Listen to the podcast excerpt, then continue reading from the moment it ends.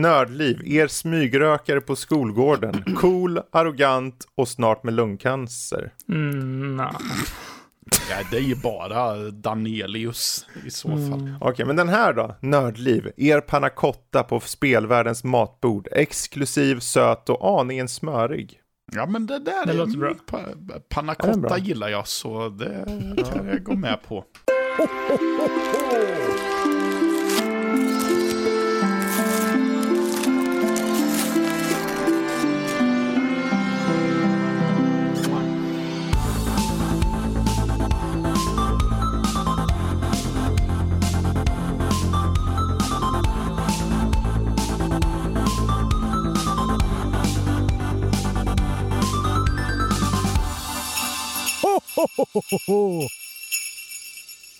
Hallå där allihopa och välkommen till ett juligt avsnitt. Det är avsnitt 331 med mig Fredrik, men det är full rulle kan man säga, för eh, vi är ganska många idag. Det är jag, Matte, Jesper och julnorsken Danny. Så det är eh, mycket att bubbla om idag. Vi kanske inte drar lika mycket per person idag, framförallt på grund av det faktum att vi var uppe allihopa och såg på The Game Awards fram till fem på natten. Eh, huruvida det var bra eller inte som beslut, ja det återstår att se längre fram när vi pratar om det nu. Ja. Men det kom ju lite nyheter oavsett vad vi tycker om själva eventet. Vi kommer givetvis också prata om eh, spel vi har spelat, kanske även film vi har sett. Det kan vara allt från eh, Halo Infinite, The Matrix Awakens, den Unreal Engine 5 eh, Experience eh, demot kan man säga. Chorus, eh, Tandem, A Tale of Shadows och så lite film förhoppningsvis på det. Och sen ska vi passa på att ta månadens spelsläpp också. Och då kommer vi ju sikta in oss på januari. För att se om det finns några guldkorn där. Men vi gör så här, vi tar tjuren vid hornen och så hoppar vi till Game Awards på en gång tänker jag. Ja, det är Ehm. bra att vi är många för då finns det flera köttsäckar jag kan gömma mig bakom och uh, låtsas som att jag inte är här. Då, då tycker jag vi tar och slänger ut Matte. Vad tyckte du var mest intressant?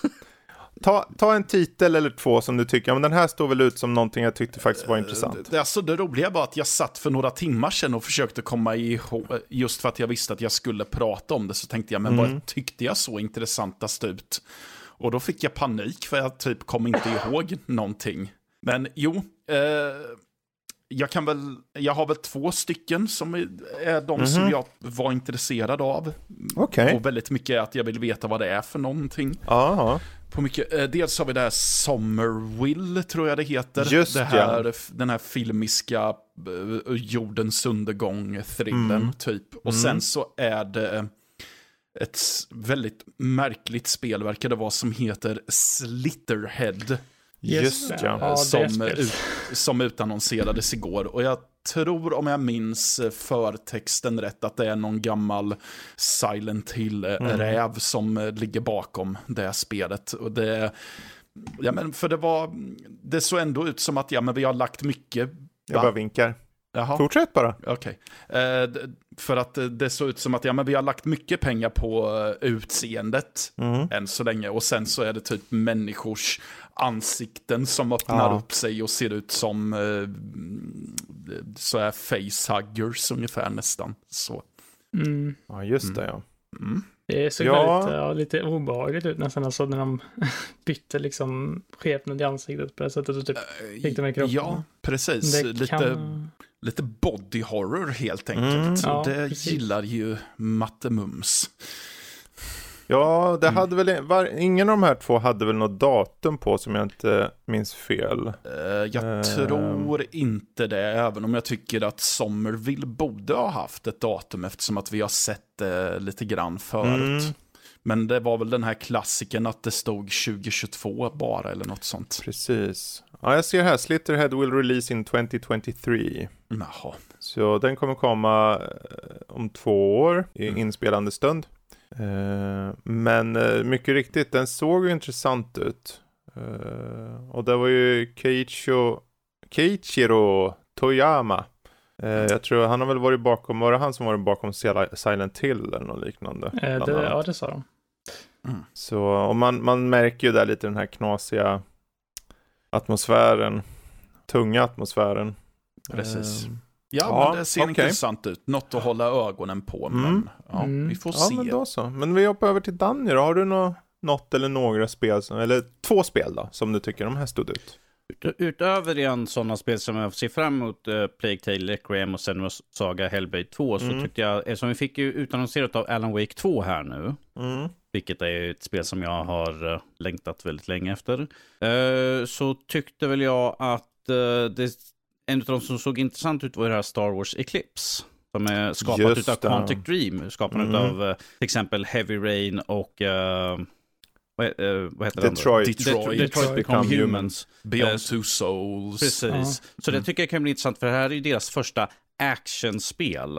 och då precis. i Star Wars-universumet. Så det kan bli väldigt intressant att se vad de skapar utav det hela. Mm. Nu, när, Verkligen. nu när Star Wars-licensen är fri för de flesta att använda ju så.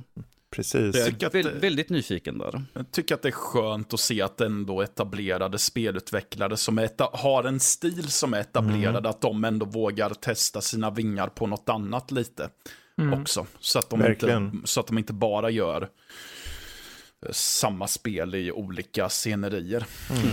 Alltså, Så. jag, Ja, det- ja, jag tror fortfarande att dock, vad jag fick intrycket av det, att det kommer vara väldigt mycket dialog. Och mycket dialogval och mycket sånt som påverkar. Ja, det men känns- i så fall faller ju det bara tillbaka till de gamla Koto-spelen som var extremt mycket dialogval också. Så att Ja, det, det finns ju ja. redan en, en Ja, historik i Star Wars-spel att man har Precis, där. det, det är en kombination. Jag tror det är intressant att se, för den är ju beskriven som ju de officiella utskicken nu som action adventure. Mm. Så det blir nog intressant att se. Jag tror äventyrsbiten kan innehålla dialog där och lite ha kanske element av de dialogträd och de här olika situationerna, det vill säga den här förgreningarna i vad du gör i olika konsekvenser och så. Eh, Men att du fortfarande har ett action-element och actionspel, det blir intressant att se, klarar de av det?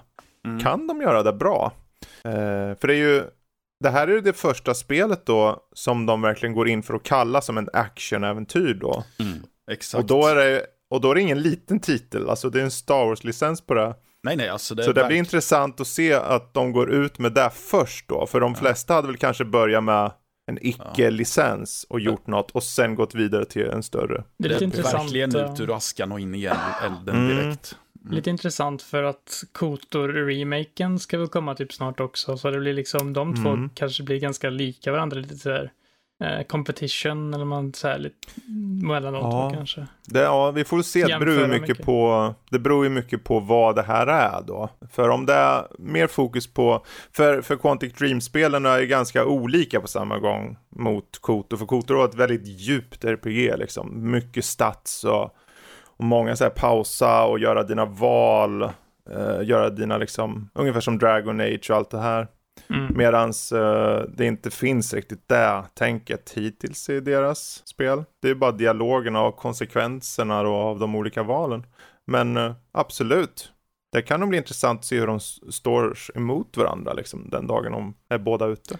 Undrar dock om, alltså det kan ju, action kan ju bara betyda typ quick time events deluxe eller någonting.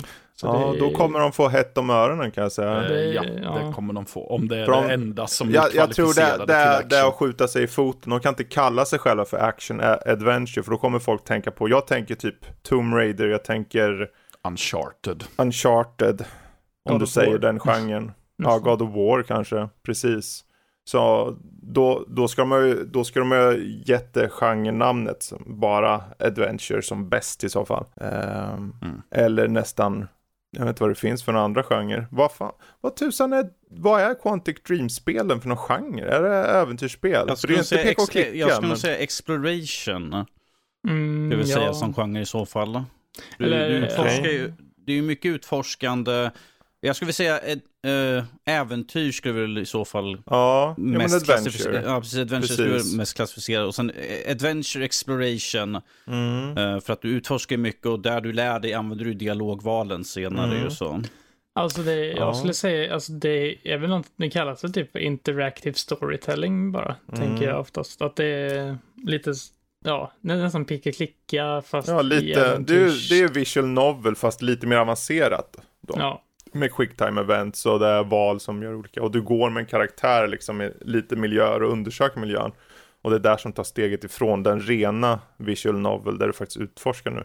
Ungefär som walking sims och så. Ja. Oavsett, bra exempel. Hade du något mer exempel Daniel? Um, ja, vi... Vad hade vi för någonting? Vi hade ju oh, uh, Warhammer, Space Marine 2 tyckte jag. Just det. Även fast det var bara en cinematic. Vi fick ju lite... Mm. Lite gameplay i slutet på den trailern och Precis. det såg ju väldigt snarlikt ut som första Space Marine-spelet där tyckte mm. jag. Och min bror som var här förut som spelar extremt mycket av Warhammer, PC-spelet då, inte, inte med små gubbar. Uh, han tyckte också att det såg väldigt snarlikt ut som första. Så här, nu, nu visserligen, nu är vi på kraftigare hårdvara. Uh, så att jag tror att vi kommer få ett mer större, mm. kanske mer explosivt än föregående. Men där, jag, jag körde förra spelet och jag tycker det ska bli intressant att hoppa in igen och få köra istället för de här strategispelen kanske. Precis. Och nu kanske få springa som sagt i tredje person och mosa runt lite grann som en Space Marine. Du nämnde ju också Alan Wake där, tvåan. Yes. Och det, det är ju faktiskt ett spel som jag det är intressant på många nivåer i och med att de själva sa att det skulle vara ett survival action game. Mm. Uh, om jag inte minns fel. Det var ett survival game i alla fall. Det survival vet jag att de sa. horror sa de ju. Survival horror, så mm. sa de ja. Mm. Uh, det kommer bli intressant att se. Jag, jag, jag, vet inte om jag, är ny, jag vet inte om jag vill köra spelet själv, men jag är nyfiken på hur det tas emot och vad det gör för Remedy. För Control, som jag tycker är ett jättebra spel, det är ju väldigt unikt. Det är väldigt nischat i sin framton. Det har en så här lynchaktig eh, aura över sig. Mm. Vad kan de göra med Alan Wake då? Att det har typ skräckspel. Eh, mm. Alltså det ska vara ett skräckspel nu och inte liksom. Ja, så ja. det är intressant att de går från en, en serie så här och gör en eh, uppföljare men de byter helt och hållet genren för att de vill ändra storyn på ett sätt som gör att den passar bättre uh, som ett skräckspel. Alan Wake hade väl mycket skräck i sig också även om det är ett actionspel i mångt och mycket så var det väl också väldigt ja. mycket ett skräckspel med. Blir sugen på ja. Det är en skräcksetting. Ja, det är intressant för jag, jag, jag, såg den ofta som en thriller personligen, Alan Wake. Det visst hade den här skräckelementen liksom med de här, jag vet inte om spökgrejen eller vad som man riktade lampan på. Men det var aldrig som att det var ren skräck, men det var inte heller ren action. För du kunde ju bara ha den där pickadollen ja. eller vad det var för något. Ja, och sen alltså jag har alltid lite svårt och just det, den, det här när man ska dra gränsen mellan thriller och skräck. Den mm. gränsen kan vara väldigt diffus för min del mm. ibland. Ja. Så. Mm. Ja, för mig är det en fråga om tempo, en fråga om liksom uppsåt med spelet. Som att du inte vill hela tiden ge eh, skräck så mycket som bara ja. någon form av liggande atmosfärisk känsla mest. Mm. Mm. Uh, sen kan ju det vara, om man pressar den tillräckligt hårt så känner jag då kan det bli skräck. Men om man låter den hela tiden vara lite tunn, för jag, den var aldrig så skräckfylld. Men just den här då, om de nu går in, för att gå tillbaka till Alan Wake 2, om de nu går in för att göra en ren skräck eller survival horror. Ja, så, så länge det inte är tank control så blir det intressant att se vad det blir av det. ja. Uh, ja, för, jag har ju ja. spelat en del spel i, på sistone som har haft tank, tankkontroller. Så mm. Det, mm. Står de sig? Eh, nej, det gör det ju inte. det enda jag kan rättfärdiga som jag spelat på sistone är ju Conway och det är för att man sitter i rullstol. Ja, just det. Då kunde jag rättfärdiga mm. det. Eh, och sen The Medium hade ju förvisso tank controls, men det var ju inte så pass så att jag störde mig på det. Nej. Så de, de, de var lite eh, mer fluent, eller vad man säger. Precis. Mm. Jag är nyfiken på den tekniska aspekten av Alan Wake 2. Mest för att de pushar så starkt med control. Så jag är bara nyfiken, hur pushar de det här då? Det ska bli intressant att se. Men uh, yes. Fredrik, jag, ja. åter, jag återkommer när jag har kört det en vacker dag. Ja, Jesper. Uh, för mig, ja det är lite svårt faktiskt också om man ska välja två. Men uh, det är väl egentligen, eller tre kanske det får bli då. För det är väl egentligen att man får datum på redan befintliga spel som Tunic och Forspoken. Mm. Som de även visar lite mer på gameplay på. Jag blev nästan ännu mer såld på Forspoken med de visar nu. Med de här miljöerna mm. man utforskade och sånt och så. Så det ska bli kul att testa på senare. Och eh, Persona 4 Arena Ultimax också. För det är ju en eh, kanonisk sequel som ett fighting-spel till Persona 4 mm. Golden. Och det körde jag ju i våras. Så det ska bli kul att se mm. vad storyn tar vägen eh, mest. Precis. Men det här var en portning eller var det ett nytt spel? Det var en portning av något ja. Vita Vita-spel eller något. Okej, men det är väl skönt att det kommer ut till en större publik faktiskt. Mm. Ehm, aldrig fel. Ja, men eh, ja, jag tyckte även att den här eh, God, eller Horizon Forbidden West-trailern eh, såg intressant ut. Eh, Mm. Och eh, Sonic Frontiers är lite så här halvt optimistisk fast ändå inte. Jag vill inte hoppas för mycket på det Halvt Sonic. optimistisk, Men, men, eh, ändå inte. Är, är, han lite, är han lite Han är skeptimistisk? lite reserverad tror Han är jag, skeptimistisk. Ja. Ja, det, ja, men Sonic såg ju, utav premissen vi såg, det ser ut som det är ett, liksom ett Sonic-spel i öppen värld. Mm. ja, Ja. alltså grejen är att M- Med Ja. realistisk grafik också. Jag vet inte, det, det kändes så udda att välja att Ja. klämma in Sonic i, ett, i en sån Introt, miljö. introt på, det, på den trailern, där han blev jagad av de här små raketgrejerna eller vad det var, det såg väldigt likt ut där från filmen. ja, När eh, Jim Carreys grej har små drönare som jagar han. In- Jag tror inte det är samma, men jag tänker de kanske tar inspiration från det. Och den utspelar sig i en riktig värld, så varför inte ha en annat universum liksom? tror Kanske en snarare. ta- ta- tie-in till. Jag, tror inte tror- det är en tie-in, jag tror det är en egen sak, men jag tror bara att för att anspela på, det är lättare för publiken nu att se Sonic i en realistisk värld, nu när Mm. filmen har kommit. Jag tänker där mest. Alltså Ja, grejen det- är ju, Sonic har ju varit det förut. Så att eh, Sonic 06 till exempel, Mm. det typ ingen gillade spelet alls. Men eh, Men det, det är realistiskt och realistiskt. Den här världen som, om den nu ser ut så som den gör i det här spelet, ser ju på riktigt realistiskt. Det spelet då såg, det må vara en riktig värld. Det som, jag kommer inte ihåg vad det hette, där du sa nu. Eh, Sonic 06, eller ja, så, eh, det, det var Sonic, jag vet inte om det hette Men den var väl ökänd för alla var så här superstatiska och det var superstiff som tusan liksom. Och sen eh, Sonic The Black Knight tror jag det heter, det har jag på Wii. Det är ett Mm. eh, Sonic-spel där man spelar som typ med kung Arthur och grejer, man har ett svärd och Okej. skakar Wii Remote. Det är typ, man, det går att klara på en timme typ. Ja, Det är inte Okej. jättebra. ja, ja men bra. Eh, för min del så jag skulle säga att jag tycker den här, nu är det en early access-spel, men det fanns ett spel som heter Heaven Nice Death. Just. Man spelar som döden, en liten sån död, döden i en slags, eh, ser ut som en plattform, men kanske Metroidvania. Mycket, anim, eh, mycket arbete på animationerna, på karaktärerna och även på in, så här, eh, till synes, om det nu är mellan sekvenser och sånt, som såg väldigt, väldigt eh, nice ut bara så. Mm. Ehm, sen, eh, jag är nyfiken på Homeworld 3. Jag vet inte om det är något jag personligen kanske vill köra. Jag ha, körde de gamla rymd-RTSen när det begav sig. För de är inte 4X eller något, de är ren RTS i rymden och utnyttjar 3D-miljöer och så. Eller 4D nästan i alla håll och kanter. Men eh, Q4 2022 är ju ett tag kvar. Eh, och en uppföljare på ett spel som kom för typ 20 år sedan. Jag vet inte. Är det en samma studio då? Jag vet inte. På tal om QX eller vad du sa så kommer ju... eh, De visade ju att de ska släppa ett Dune. Mm. Mm. Eh, 4X. Precis. Du, det måste ju vara perfekt för dig. 4X-spel ja. Ja, Dune det Spice heter. Wars heter det. Funcom som tar fram och det skulle komma i Early Access först tydligen under året som kommer nu. Jag glömmer ju Eh. alltid bort vad den där jäkla genren heter. Så. jag, visste Ja. in, jag visste inte ens att det var en genre, så det var först i år när jag hörde folk använda namnet och jag satt och tänkte, vad, vad pratar folk om? Ja, kan, man kan inte veta allt här i världen, det är ju så. Nej, Ehm. uppenbarligen inte. Eh, vet du vad det står för 4X eller? Nej, Nej. Inte jag. Ex explore, expand, exploit, exterminate. jaha. Och det kom från Civ typ.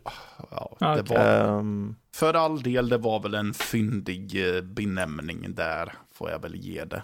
Ja. men jag eh, spontant vill vi säga gå hem, fortsätter. du. Oh, jag, jag, kom, jag kom på vi en till. fortsätter. Jag skulle bara säga att jag tycker också att det blir intressant att se. Det här är bara jag ur teknisk synvinkel. För Final Fantasy 7 har jag ju redan kört. Mm. Men att den släpps till PC och den släpps nu om sex dagar i inspelande stund. Den 16 december.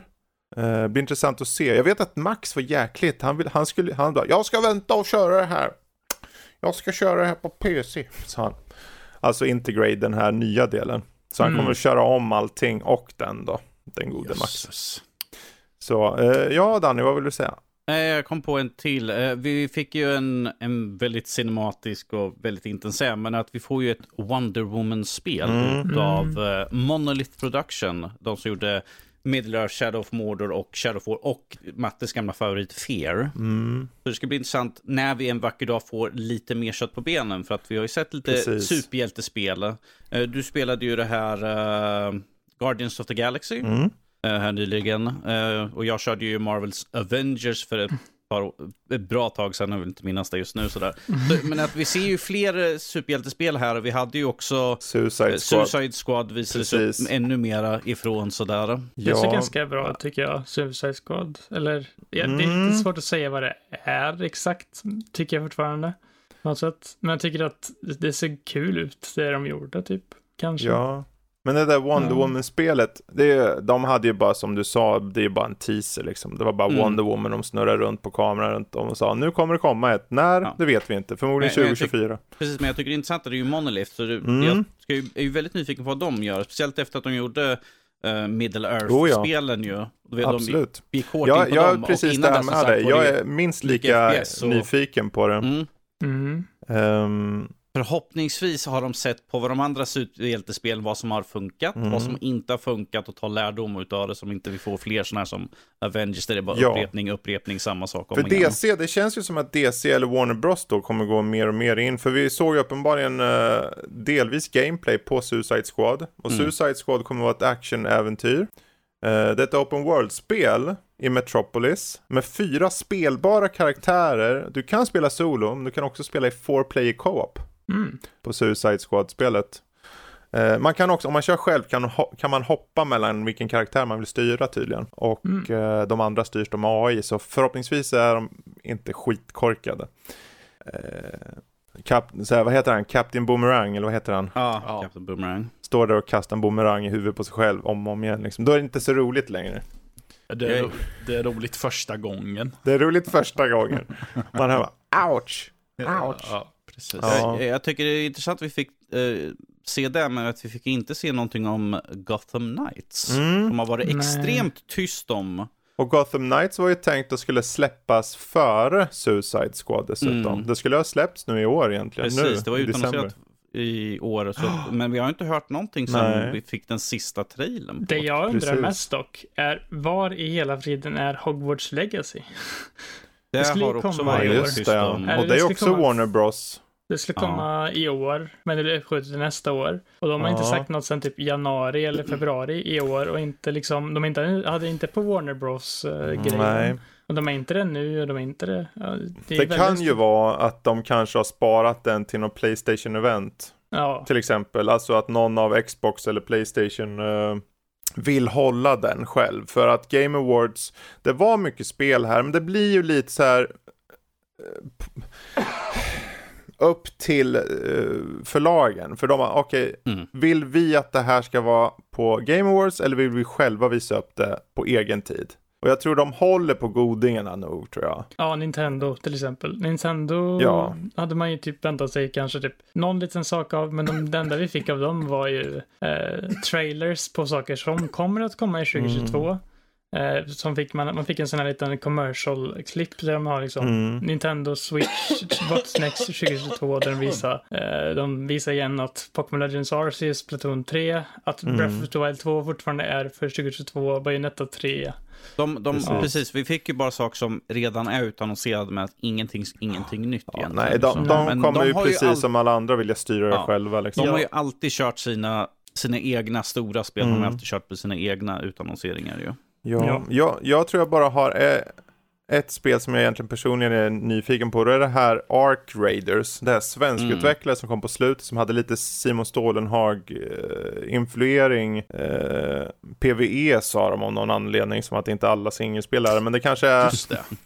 Det kanske är, eh, man liksom, det såg ut att vara lite halvsvenska miljöer men framförallt Mm. var det mycket robotar och stora så här mekaniska vidunder som man attackerar och Väldigt vara en, eh, ödesmättad division-känsla över det också tycker jag. precis. Mm. Och ärligt talat, jag tycker det såg väldigt snyggt ut. Jag fick så här, är det här i Frostbite eller något? Det såg lite så här väldigt Frostbite-mässigt ut. Men eh, det såg nice ut. 2022 var det där skulle komma Ark Raiders. Jag tror det kan vara typ eh, dock, eh, vad heter det, Unreal Engine 5. Och på tal om det så tyckte Mm. jag även att den nya gameplay-demon de hade på eh, Hellblade Senua's Saga såg väldigt Mm. imponerande ut. De hade verkligen, eh, liksom, man såg i gruset hur realistiskt det såg ut. Och, Det är ju, nu, nu börjar vi komma in i det här, nya generationen. Och vi kommer väl komma tillbaka till det för vi ska ju snacka lite om Matrix Awaken sen. Men eh, om vi då tar, jag vet inte, det var ju lite av russinen ur kakan då, men om vi kollar på Game Awards i sig. Mm.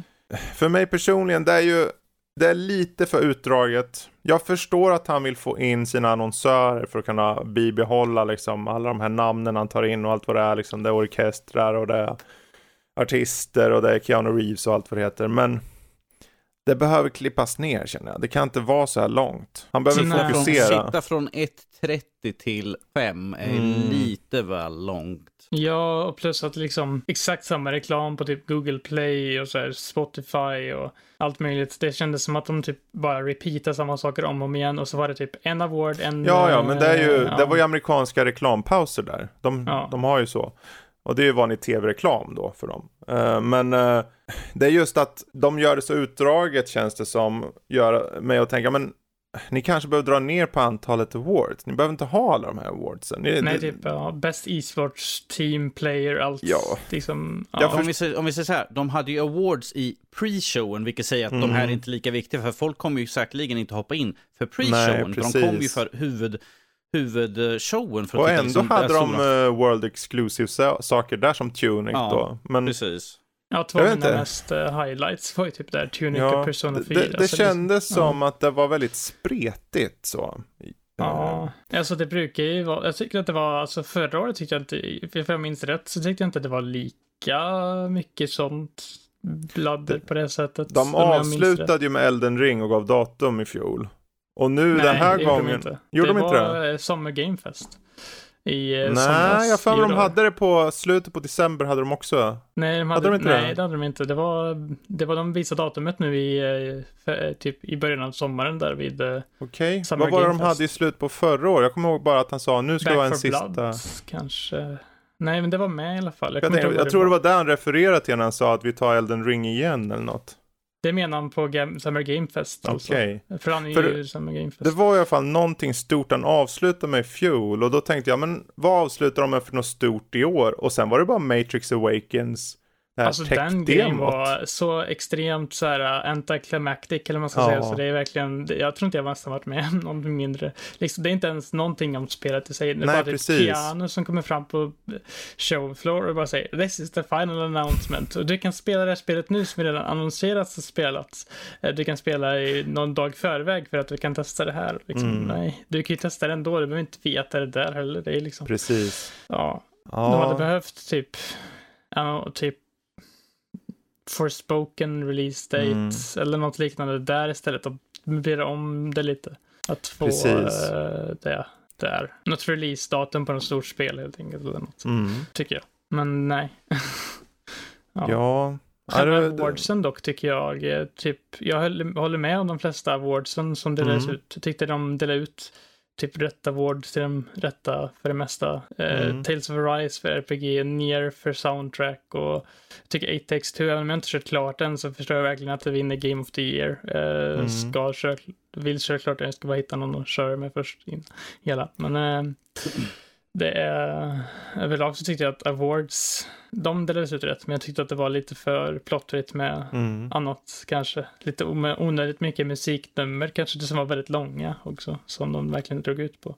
Jag tror de, han vill ju få det till att bli någon form av Oscars. Och Oscars håller väl i ärlighetens namn ganska länge igång också, den showen. Ja, alltså jag försnack tror- och allting. jag Så han är det ju är ganska nära i tid där. Roligare att se det på Ehm. plats tror jag, den, alltså den showen. Det känns som en Ja. sån sak som man egentligen borde vara på plats för att se. För då kanske man inte ser alla de här reklamavbrotten på samma sätt. Jo, sant. och allt sant. sånt där. Och, eh, man får ta med, det blir som att gå på en konsert eller på någon gala eller någonting på ett Mm. annat sätt än att sitta hemma och kolla på det via datorn klockan, för då är man ju jättesent här, då hade det inte varit lika sent där och allt Nej, sånt. precis. Men, eh, Det ja. enda som jag tycker är fördelen med det är ju samtidigt att vi har, vad kan det vara, 20 miljoner människor som tittar på det. Och det för folk samman. Man kan ju inte säga att, ja men, ja det är klart att jag sitter och, ja de här jävla mobilspelen, oj oj oj. Det, ja, men det är ju inte till för oss, det är till för att bara de ska driva det här. Så vill jag då att det inte ska finnas? Nej, det är klart jag vill att Game Awards ska finnas. Det skadar ju inte mig att det finns det här liksom. Så är allt för mig? Nej. Att de släpper liksom Texas Chainsaw Massacre, ett multiplayer-spel. Jag bara, ha, det var som att de inte utnyttjar det där IPet. Men det är kul att det kommer något. Och det är kul att de utannonserar det här för en jättepublik. Som egentligen väldigt få bryr sig om det, liksom. På det sättet. Eller Homeworld. Vem bryr sig om det förutom någon gammal gubbe som mig, liksom.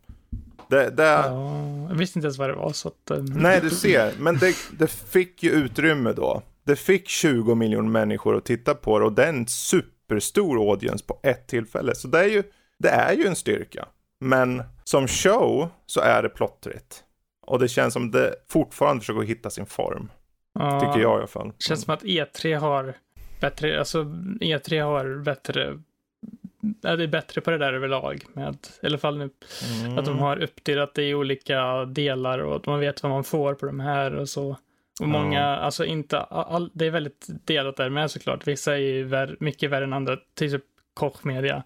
Eh, men eh, typ Nintendo har ju sina egna där och Xbox hade det. Jag tyckte att de Ja. båda två hade väldigt så här koncist och liksom announcement, announcement, inget plotter emellan och sånt. Och det tycker jag. Ändå satt vi där i somras och hyttade mot molnen på vissa av dem där. Men det är ju så Mm. alltid, man sitter där efterhand. Men vad, vad känner ni andra då? Om eh, Game Awards? Alltså, som, som sagt, längden är lite för lång. Eh, det måste kortas ner för att jag vet inte hur många, speciellt inte för oss som bor här borta, att si- gå och sätta sig klockan halv två på natten för att sitta sen till klockan fem. Speciellt ifall man är spelintresserad men att ha ett jobb. Jag vet, Ja, då går det ju inte. då går det inte. Till exempel ifall Matta hade jobbat sådär och Mattan börjar ganska tidigt i, i vissa fall ju sådär.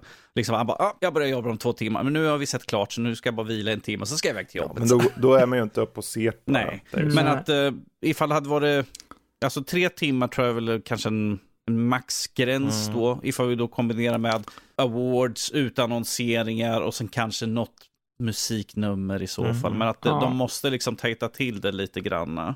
Ja. Eh, plus, plus att vi hade ju att i år att, eh, att det var inga intervjuer när de plockade upp priserna och sånt där, utan de fick göra ett litet tacktal, Mm. precis som med Oscarsgalorna istället. Och sen så märkte man ju att de bara, ah, jag, måste, jag måste skynda på mig lite grann, för de ger mig Mm. signaler nu att jag, att jag måste avsluta sådär. Jag bara, Precis. Oscarsgalan igen här nu. Och Ja. Oscarsgalan har ju sakta men säkert gått neråt lite grann de senaste åren, så jag Mm. hoppas de inte går för hårt in på Fast jag Oscars... föredrar att de gör så här istället för att han står och intervjuar dem och pratar om Ja, ja, goja. nej, liksom. det säger jag ingenting om, men att jag säger att de inte ska gå för hårt in för att Oscarsgalan har ju tappat för att de blir ja, lite men de har ju inte tappat same. på grund av det.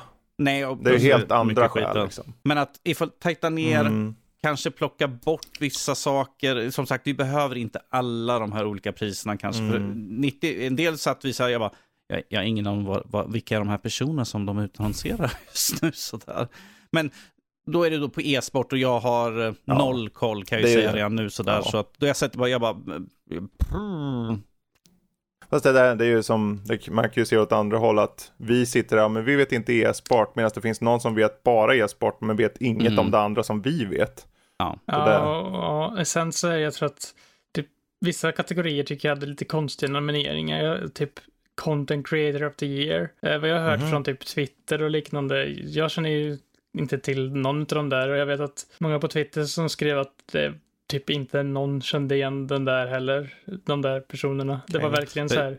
Den enda jag kände igen var Jesse Cox där utav dem. Sådär. Ja, Eh, som, var med i tra- nej, som var så. med i trailern som Ja. visade liksom, här är content creator, men sen de som skrev sen, jag bara, jag kollar på väldigt mycket YouTube, så jag har noll koll på det där. Nej, alltså det kändes, jag tror att de content creators tror inte jag är typ så här primärt spel content creators heller på något sätt. Det är liksom, det är ju en spelgala tycker jag att de borde ha typ som här kändaste spel. Jag, jag, jag känner just kanske. nu att någon sitter och knappar ett, ett långt brev till oss. Liksom, hur kan ni inte veta vilka de här är? För det är som sagt, det är så precis som vi sa med e-sport, det finns Ja. folk som vet exakt vilka de här är och inte har koll på de andra. Ja. Men så är det ju. Och det, det är ju så svårt för om man tittar på YouTubers, det, en, en YouTuber kan ju vara känd för sitt följe och fortfarande ha 3-4 miljoner följare, men fortfarande vara okänd för många, för att 3 miljoner följare, det är ju inte alla på hela, i hela världen. Så Nej. jag menar, och det är så många som har så många, känns det som. Eh, Men eh, Matte då, vad tycker du? Alltså, jag har inte så mycket mer att tillägga. Jag skulle bara sitta och rabbla upp det ni redan har sagt. Mm. Men jag är ju på samma linje. Jag tycker att det är för långt. Jag tycker att det kan tajtas till här och var. Jag, Mm. jag kan acceptera sångnumren. Mm. Kan jag göra. För att det är ändå kopplat till spelen för det mesta. Det var, ju bra, det var ju bra när de, hade, när de spelade upp musiken när det var liksom bästa spelmusik. Där kan jag ju liksom ta att musik var Mm. bra. Det, det är liksom en tradition, det tycker jag, det borde de ju behålla. Att de spelar upp Go-To-spelens eh, liksom trudelutter liksom. Om Mm. man ska säga. Fortsätt Eh, Matte. ja. Ja, Precis. nej, jag var färdig där. Jag Mm. vet inte vad mer jag ska Ja, säga. nej, jag så. tyckte också om musiknummer. Sting körde ju från Arcane eh, tv-serien som är på League of Legends. Ja. Var med Så- Imagine Dragons väl? Tror jag Sting spelade i början. Och sen var Ja. det Imagine Ja, Dragons. precis. Ja. Eh, Imagine Dragons var också med. Eh, men annars så, ja, den kom och den gick. Och det kändes som att jag kunde ha väntat och sett eh, highlights snarare. Eh, jag vill inte att det ska försvinna. Jag tycker den ska fortsätta definitivt. Eh, jag vill inte ha en sån ex- extrem åsikt. Men jag kanske kommer tänka över lite extra nästa år. Om jag ska sitta så Eh, sent faktiskt. Samma sak här. jag. Tror nästan att jag kommer skippa det framöver. Ifall Mm. det kommer vara som i år så känner jag att eh, alltså jag checkar inte ut så jättemycket av det egentligen. Nej, Eh, men det, det, känns- det är ju ja. ungefär samma sak med Summer Game Fest som har varit så jäkla spretigt. Att han, han vill ha allt, vill han ju. Han vill inte fokusera. Och du, ärligt talat, jag vill ha E3 och jag vill ha varje individuell förlag, eller eh, publisher då, som kör sitt. Så att vi kan välja, okej nu vill jag titta Xbox eller nu vill jag titta Nintendo och så vidare. Och kanske kunna skippa de andra då. Här är ju allting med. Så att då blir det ju, då får man ju titta allt och då blir det en tre och en halv, fyra timmar lång show liksom. Men ehm, Ja, det tycker jag också. Det blir lite konstigt också att blanda det med awards på något sätt. Också Mm. kanske, för det drar ju ut på tiden också. Att de har, det är verkligen inte fokuserat känns det som. nej. Det är ju så, han, han älskar ju liksom big, everything quantity av allt liksom. Ja, han vill ha big reveals men jag vet inte om det är stort för alla liksom egentligen. Men det, För- ja, nog, ja, nog om det. Vi tar och avslutar Game Awards. Ja. Eh, och innan vi går in på spelen vi spelat eller filmer vi sett och sådär så tänkte vi ska ta en snabb liten månadens spel. Eh, det här är egentligen det sista ordinarie avsnittet innan juluppehåll och Goti och allt vad det är. Och så kommer vi egentligen tillbaka med ett vanligt avsnitt i början, mitten av januari någon gång. Det kommer komma ett par julavsnitt som ni kanske har märkt redan. Eh, men eh, just på grund av det så tar vi då januari på månadens spel. Eh, och ser om vi har några guldkorn. Och jag tror att egentligen det som står ut mest är två spel som jag ser. Pokémon Legends Arceus släpps den 28 i första. Och sen är det Tom Clancy's Rainbow Six Extraction eh, som också har den här PVE-aspekten. Eh, och det ser ut att gå en bit ifrån. Jag, först när man hörde namnet så tänkte man om det är någon slags Rainbow Six Siege-liknande. Nej, det ser ut att vara en egen grej med så här nästan spår eh, zombies eller någonting. De såg lite sådär Last of Us-liknande ut här för mig. Mm. Eh, och där kommer en, jag, tror, jag vet inte om det har ett exakt datum än, men det ska komma i januari i alla fall. Eh, utöver det så är det väl egentligen ganska så tomt på spel sett till stora spel. Vi har eh, portningar. Vi har ju God of War som släpps den 14 i första på PC. På Epic då. Och sen så har vi Monster Hunter Rise som släpps den 12 till Mm. PC också. Så, och det är inte fy skam, det är ju stora spel och det är kul att en ny publik får ta del av dem. Eh, finns det någon av de här, utöver de som jag sagt, som ni känner står ut också? Alltså det var ju det här, kanske det här Lumis Avenger för den publiken. Uh, Lumis, vad heter det? Eh, det är ju något, det är ju typ Megaman några som jobbar på Megaman som gör, eller de har Mhm. gjort en serie som heter Gunvolt. Och det är ett nytt spel som kommer där som heter Gunvolt Chronicles eh, Luminous Avengers 9. Mhm. Oj då, det var ett namn. EX, jag vet inte om det ska vara 9. men Jag vet inte om det är så många Gunvolt. Chronicles Luminous Avenger 9, 27 i första. Eh, vem vet, det kanske blir guldkornet i månaden. Ja, för jag själv har inte så jättebra koll på eh, Mm. den serien, men jag vet att det finns hype kring det spelet, så Ja. det är ändå värt att ta upp det. Men eh, själv är det nog mest Legends Arceus som jag ser Mm. fram emot. Eh, för det känns Ja. verkligen... Jag tror det är må- eh, januaris största spel än så länge, om inte något utannonseras de sista 15 dagarna på månaden här. Bara hux flux, ja men nu kommer det här spelet. Nintendo Direct eh, i slutet av december. Ja. Jag hade inte Ja. Men eh, där har ni i alla fall månadens spel, de som stod ut, så tar vi helt enkelt och hoppar vidare till vad vi själva har sett eller spelat. Ehm, och vi kan väl börja i Mattes hörna, för jag, vi sjunger ju korus och vi spelar korus tillsammans. Mm. Eller för oss själva. Eller, Men du har ju spelat Jag eh, har spelet. jag har spelat korvs, Mm. som loggan får det att se ut som. Det är väl något Korvs. Jag tror att det är, det är en latinsk grej, va? Att ha enkel-V istället för U. Jag tror det. Ja, och det har säkert någonting med att göra att med sättet man... Eh, skitsamma, vi ska inte gå in på det. Chorus. Eh, det är i framtiden, det är ute i rymden. Vi spelar som Nara som eh, flyger rymdskepp och eh, skjuter andra rymdskepp. Hon hörde till en sekt som härjar ute i rymden som kallas för The Circle. Men efter att hon eh, på ett uppdrag eh, spränger en planet i småbitar så kommer de fram till att jag är nog med på fel planhalva. Jag sticker härifrån och så joinar hon eh, The Enclave, har jag för mig att de kallar Mm. sig för. Uh, uh, motståndsrörelsen. Ja, Mm. och det är där vi kommer in. Hon, ja, hon hjälper motståndsrörelsen med att skjuta fiender och hon eskorterar vänliga rymdskepp till sina destinationer. Hon letar lite vrakdelar och hittar förnödenheter till sig själv och uppgraderar sitt lilla skepp med Precis. eh, gör hon. Eh, Sen tar det ju lite fart längre fram eftersom att hon blir ju dit, hon hemlighåller ju sitt förflutna. eh, För The Enclave eftersom att det är ju The Circle som är den stora fienden. Mm. Eh, Så hon är lite rädd för att det ska att det ska komma upp till ytan om man säger så. Mm.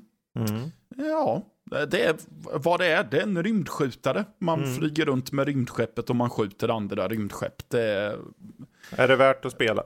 Ja, det, Vad definitivt. tycker du? ja, jag, jag tycker definitivt att Ja. det är värt att spela just för Just för att det är så strömlinjeformat och att det är så fokuserat. De har Mm. valt en genre och de ah, tänker att vi gör den här aspekten jättebra Mm. eh, istället. Och så kastar de in en halvöppen värld, det vill säga du behöver, få, du behöver åka från olika, från destination till destination, men du blir inte översköljd av sidouppdrag. Precis. Eh, Så, utan det kan vara att det är en, en som behöver hjälp på vägen bara. Mm. Och det, är- det är inte så att ja, nu måste du flyga 50 kilometer ut i rymden där, utan den är oftast typ precis bredvid där du annars är och åker. Mm. Och de är ganska korta så det är inte några jobbiga derails så. Ehm, så det är dels det att jag gillar den väldigt enkla arkadkänslan som är gameplaymässigt just i combat och i utforskning.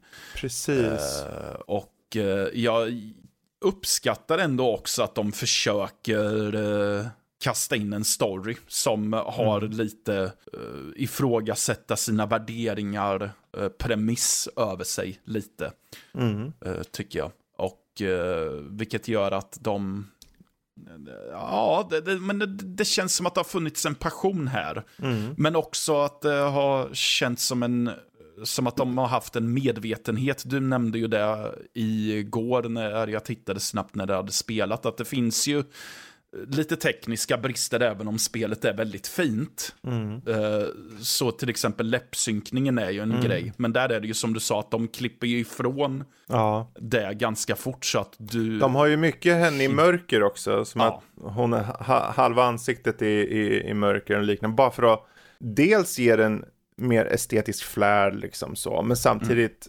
hjälpa sig själva på traven lite känns det som. Ja, eh, och jag, jag är det funkar helt... ju. Ja, jag tycker det. Eh, ja, det... Mm. Ja, herregud. Jag satt med det här. Jag körde förvisso bara en timma. Mm. Men eh, rent tekniskt bara tyckte jag det flöt på ultrabra. Jag vet inte. Först tänkte jag, men oh vad snyggt det var. Oj Ja. vad snyggt. Och sen Eller kollade hur? jag på FPSen, var på 250. Jag bara, Ja. okej. Mm. Det här flöt på väldigt bra måste jag säga.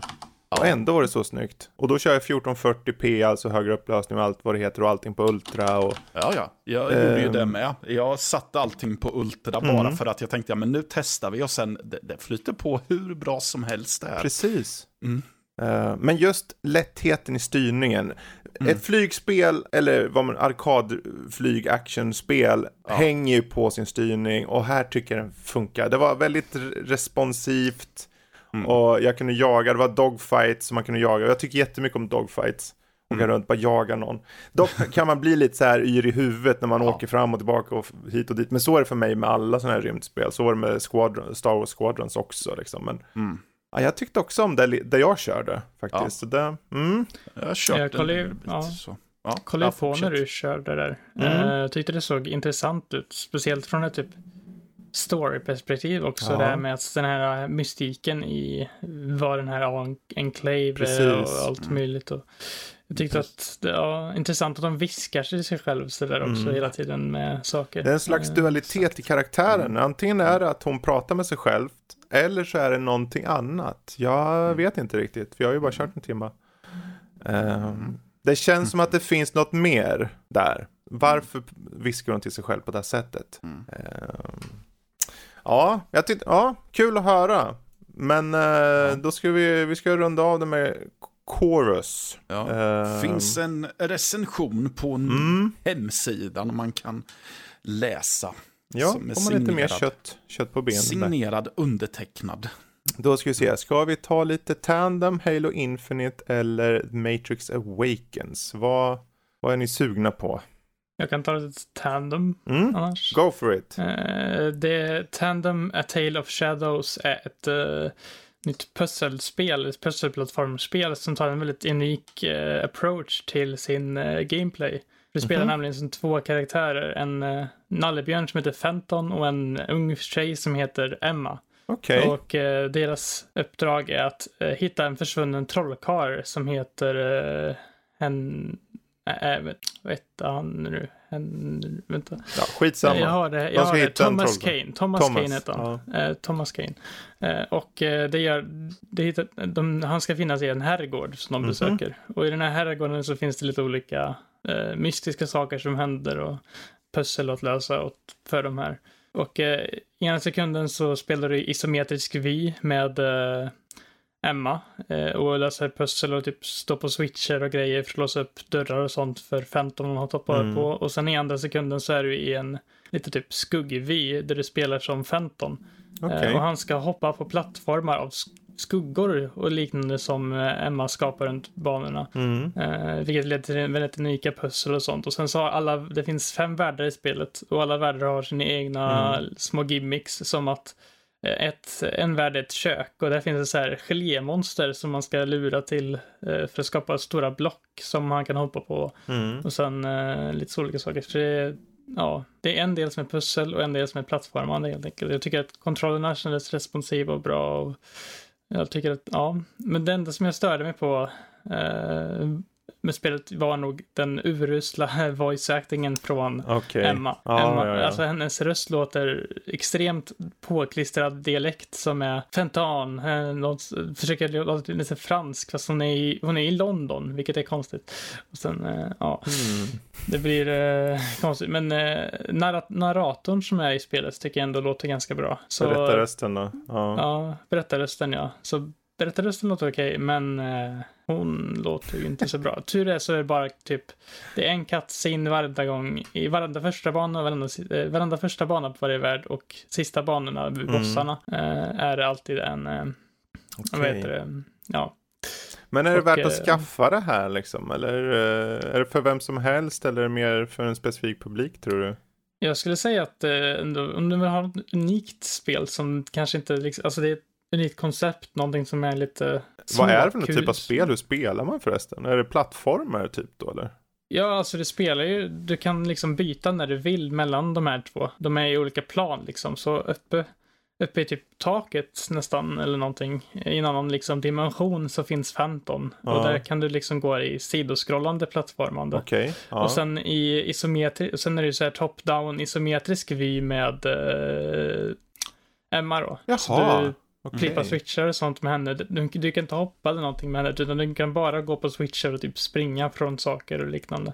Okej. Eh, och eh, en sak som man måste se till dock är att göra så att ifall man vill byta mellan dem så måste man se till så att inte skugga täcker hela fältet för Fenton, för då kan inte han röra sig ur det. För det skuggan blockerar nämligen hans, hans eh, eh, gång och sånt. Mm. Så han måste liksom, du kan ju bygga broar och liknande med skuggorna.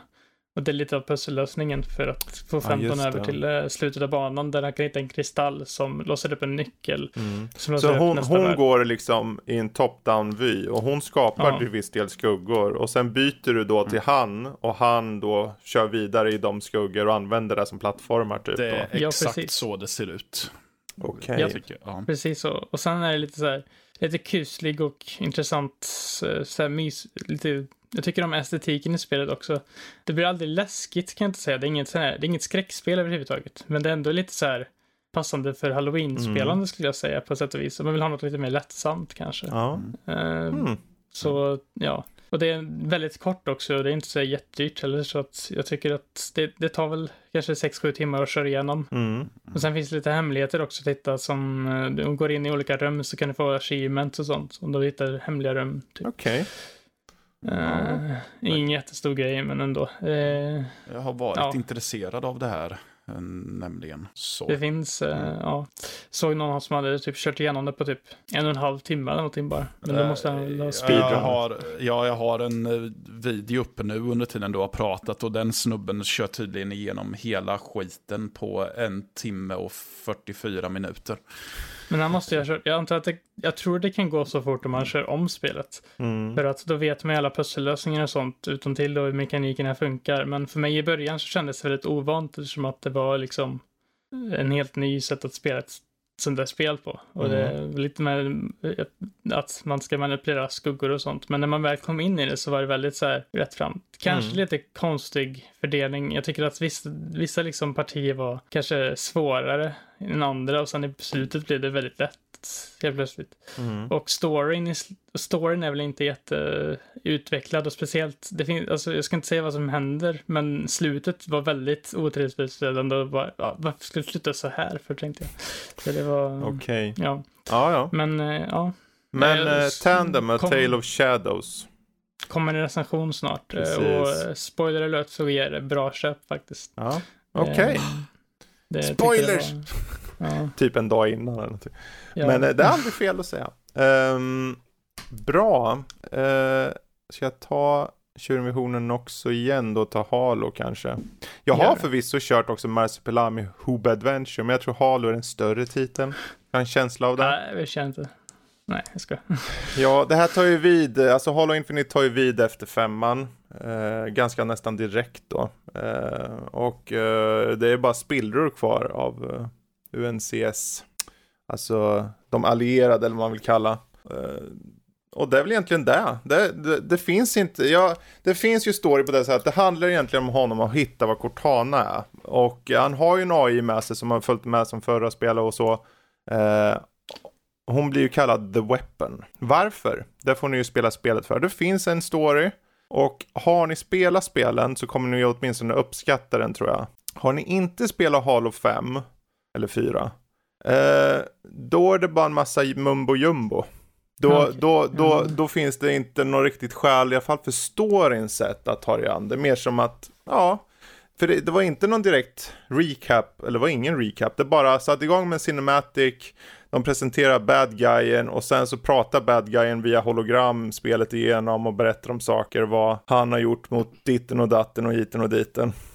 Uh, men på många sätt visar det inte riktigt storyn som är i fokus. Är du en hängiven Halo-fan så kommer du nog uppskatta den. För den avslutar vissa saker som har påbörjats och den gör det okej okay, tycker jag.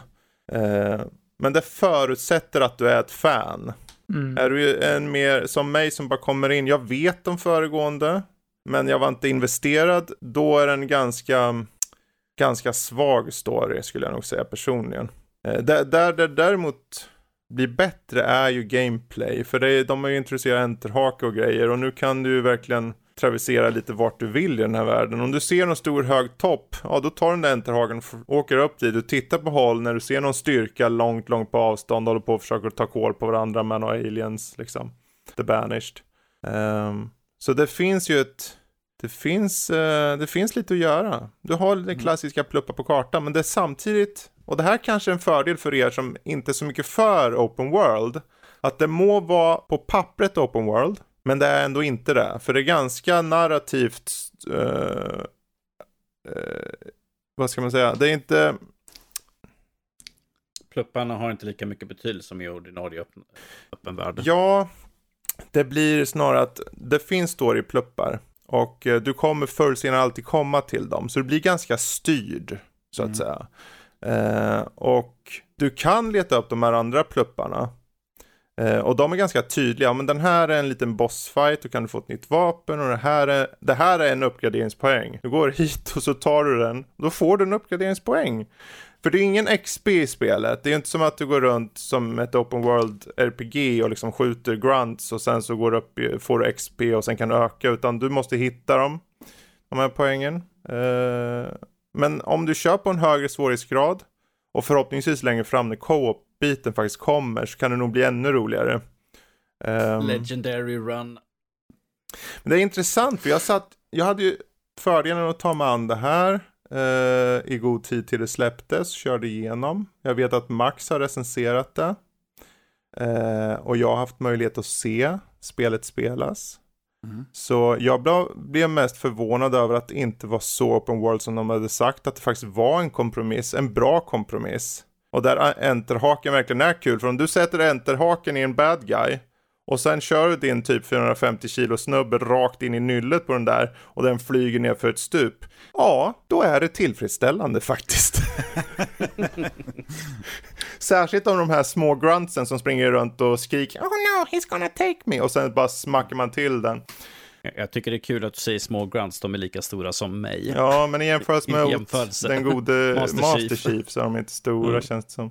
Men eh, tyvärr mm. är det ju så att för mig, för mig vart så här, till slut att okej, okay, men nu kör jag på storyn.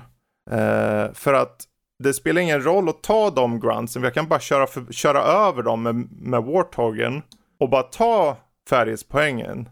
För att det är ju ingen XP på dem så det är bara att köra över eller bara köra förbi dem jag ser ingen utmaning eller något roligt att skjuta dem, så jag tänker, ja men jag vill ju ha, jag vill ha poängen. Det, det blir en drive-by upplockning av uh, blir lite det. uppgraderingspoäng. Liksom, kommer in, sladdar med Warthogen, tar, tar två grunts i liksom med bakaxeln, hoppar ut, tar poängen, skuttar ja. in i Warthogen, sen bara drar iväg igen. Ja, och sen, och sen jag menar, spelet har ju, jag menar musiken nu, jag, jag kommer ihåg 4 och 5 som hade ganska väl gjord musik, men den här är riktigt bra ljudbild i. Alltså, och den här episka känslan och dynamisk musik som verkligen går från det ena till det andra i olika scener. Där man märker att de har budgeten. Mm. Uh, sen att jag kunde sitta på, uh, när jag körde på Xboxen så satt jag med mus tangentbord och körde. Okay. Tyckte jag var en kul detalj.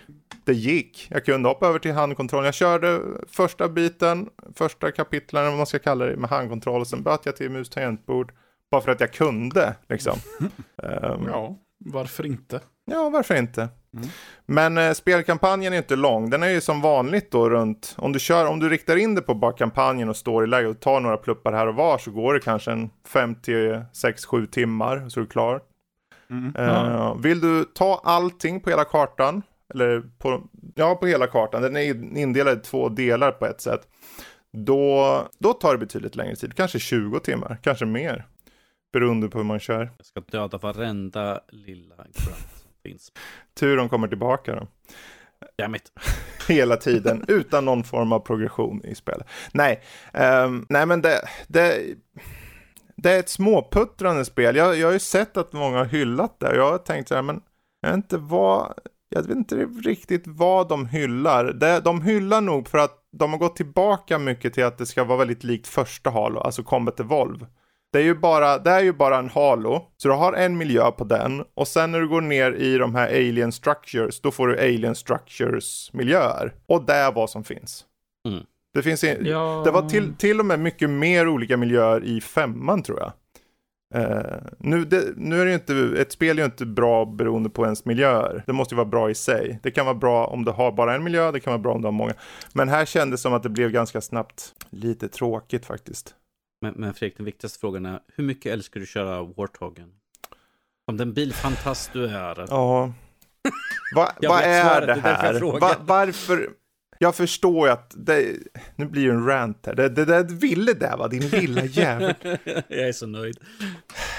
Kasta Varför- kasta ut och varför-. Varför Ja, har alltså- de Warthogen på det här sättet? Du styr med styrspaken framåt och bakåt för gasen och sen så styr du, och inte bara kameran, du styr hela bilen med Warthogen åt sidorna för den svänger ju bakdäcken också.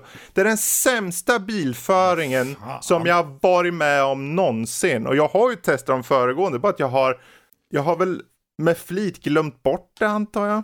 Men Warthogen är ju, för en som kör bilspel, om det så är simulatorer, arkad, whatever, så är det verkligen skit alltså. Skitdåliga Warthogen. Det finns tack och lov andra fordon. Så om man inte bättre. vill åka runt som en, en klick smör i stekpannan som bara flyger upp på vad som helst liksom. eh, Då finns det andra fordon. Det finns fordon som kan vara ganska kul faktiskt. Så här eh, stora eh, tanks som kan spränga de där gruntsen och de flyger Mm. all världens väg och allting. Jag, jag såg IGNs recension på det här Mm. och de sa liksom precis typ samma kritik som du sa, att storyn är svag. Det, han hade spelat alla spelen i hela serien Mm. och tyckte bara ett livslångt Halo-fan och sa att det var liksom jätte... Alltså storyn var väldigt lackluster, det svarade inte alls på de frågorna han ville från femman. Mm. Och sen att eh, typ miljöerna var inte varierade, det var liksom samma grönmiljöer. Precis. Eh, och ingen, det var till och med att ettan hade typ snömiljöer till och med och det hade inte ens det här. Mm. Och sådana saker. Men sen så ändå hyllan och gav den en, en nio Ja. betyg för att den hade gameplayet. Och Det Precis. är liksom, Den Ja. har gameplayet, men det är ingen gameplay jag inte har sett förut. Mig personligen. Alltså, enterhake, ja men det är ju inte nytt direkt. Det enda som är nytt är att du har enterhake och det är Master Chief. Ja, har man bara kört just, just Cause någon Ja. gång så har ju inte haken har vi redan Men det är tight och det är mycket riktigt sant. Det är tight i kontrollen och du har liksom hela den här nu okej, nu börjar det ta slut på ammunition. Ska jag ta och försöka ladda upp om det här eller ska jag bara ta vapnen som ligger framför mig? Eh, alla de här stora, stora vapnen som sitter på turret så du kan ta bort och gå runt med lite, mycket mer långsamt. Men du kan gå runt och bara sprida död Du kan leka Arnold Schwarzenegger Terminator Precis. 2. Snipergevär. Det finns en variation. Och, och det är väldigt, det flöt ju på väldigt bra. Jag menar, kör du, kör du i quality-läge så är det 60 FPS och kör du i eh, performance är det 120 FPS på konsolen. Så man kan ju säga att de har ju optimerat snoret ur. Ja, det låter ju som det. Ja. Med det sagt, är det så att ni är, är, är ni Halo-fan så kommer ni må bra av det här spelet tror jag. För att det är väldigt, man känner igen det. Det är första spelets miljö på, jag kommer inte ihåg vilken karta. Det är någon karta som har typ exakt det här upplägget. Åker det runt. är photographer eller något sånt där. Nej, det är silent, nej de vet inte riktigt. Silent Cartographer. Silent Cartographer. cartographer. Ja. Ja, för det är ju liksom, du har den, eh, det här landskapet och du får leka runt i det och ta det runt vart du vill lite och så. Eh, och AI är helt okej faktiskt, i, tycker jag också. De reagerar på olika sätt. Du kan skjuta en grunt i ar- armen liksom och han bara aj min arm liksom. Och sen skjuter han i benet och man ah, står och hoppar lite så här och flyr. Är det den svenska lokaliseringen vi hörde Ja. där? Och gud vad roligt det skulle vara. Jag tror, då skulle åtminstone Master Chief få lite karaktär. Oj, nu svor jag i kyrkan, förlåt. Men eh, om det var en svensk som ja, Jag tror jag vill ha, vad kan vi ta? Eh, han som gjorde Aladdin, vad heter han? Ekborg. Peter Jöback. Nej, eh, vi menar anden. Ja, det var Dan Ekborg. Dan Ekborg. Mm. Dan Ekborg som Master Chief. Där har vi det. För alla kids där ute som vill köra. Nej, Det ska komma en ny serie på den ju. Så Ja. kanske får göra en eh, dubbning på dem där till men försök att runda av där igen. Är det så ni älskar Halo så kommer ni nog tycka väldigt mycket om det här. Och är det så att ni kommer från någonstans där ni inte riktigt har eh, spelat 405, då ska ni skippa det här så länge och köra dem och må illa och sen må bra av att det här faktiskt är bättre då. Men Fredrik, jag har inte tid att köra femman för att vi har Goti att se fram emot. Men Jag herregud, du har väl nästa femman. år på dig också. Du behöver ju skit i god, du får ju köra Halo Infinite när du får tid nästa år bara. Eh, för det är ju inte nominerat ändå, än så länge. Nej, nej, nej. Än Jag så länge. säga att det här är bättre än det här i alla fall. Ja.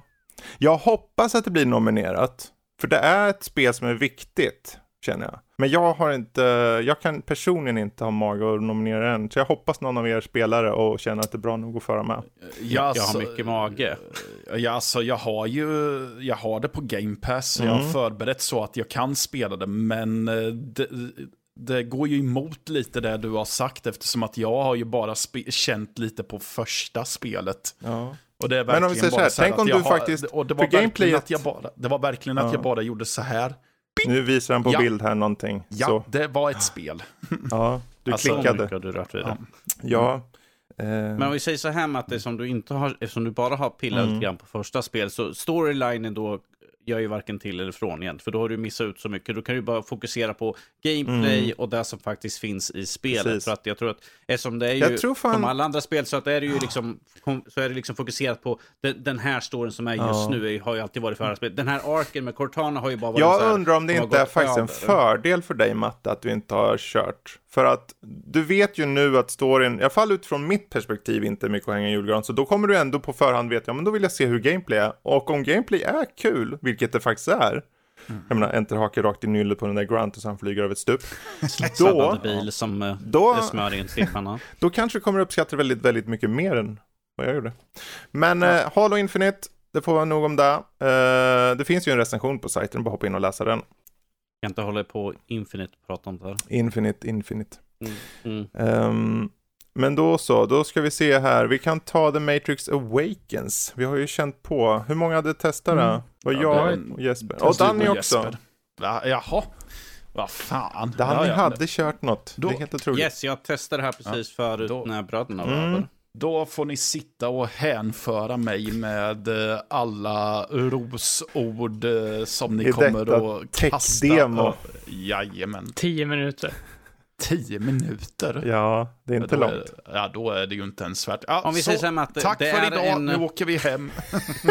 Det kan då spela det mycket längre än så, om du vill. Du, kan, det, du har ju som en öppen, en öppen stad du kan springa runt och läsa på några små Mm. plaketter där de berättar lite grann hur mycket, mycket de har använt i det här spelet. Att det är 35 000 AI-karaktärer Ja, som rör sig runt i stan och sådana Men, saker. men Danny, vem spelar spel för att läsa?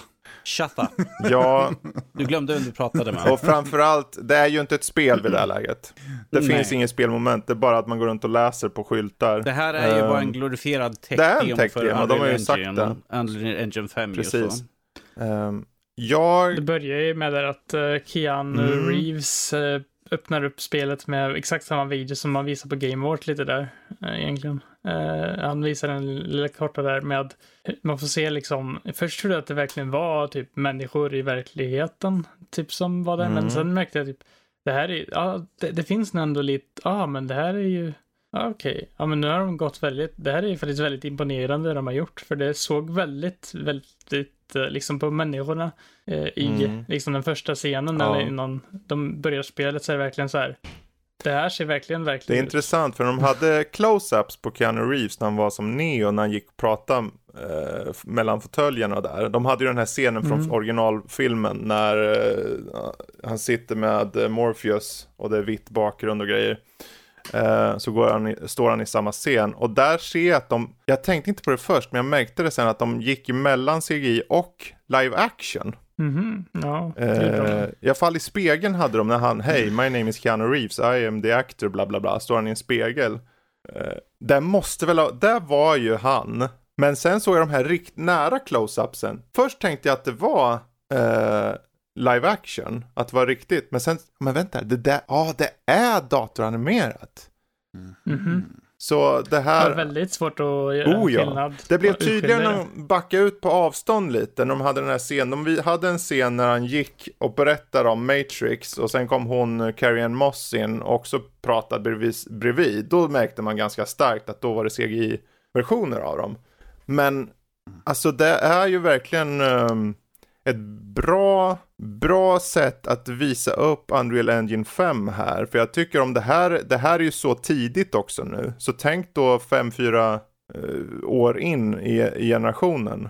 Vad de kan göra med den här motorn. Det Herregud är alltså. väldigt- Verkligen, alltså det kommer nog visas mycket nästa år känner jag. Att då kommer vi få se mer av den här motorn för kommande spel, kanske 2023, 2024. Mm. Jag tror att det då kommer verkligen öppnas upp för den här motorn att användas mera överlag. Det är ju Eh. mycket en Canny Valley. Det märkte man ju när de går vidare så har de här, de, de sitter i en bil och åker och sen blir det en actionsekvens och du kan själv skjuta på bilar bakom.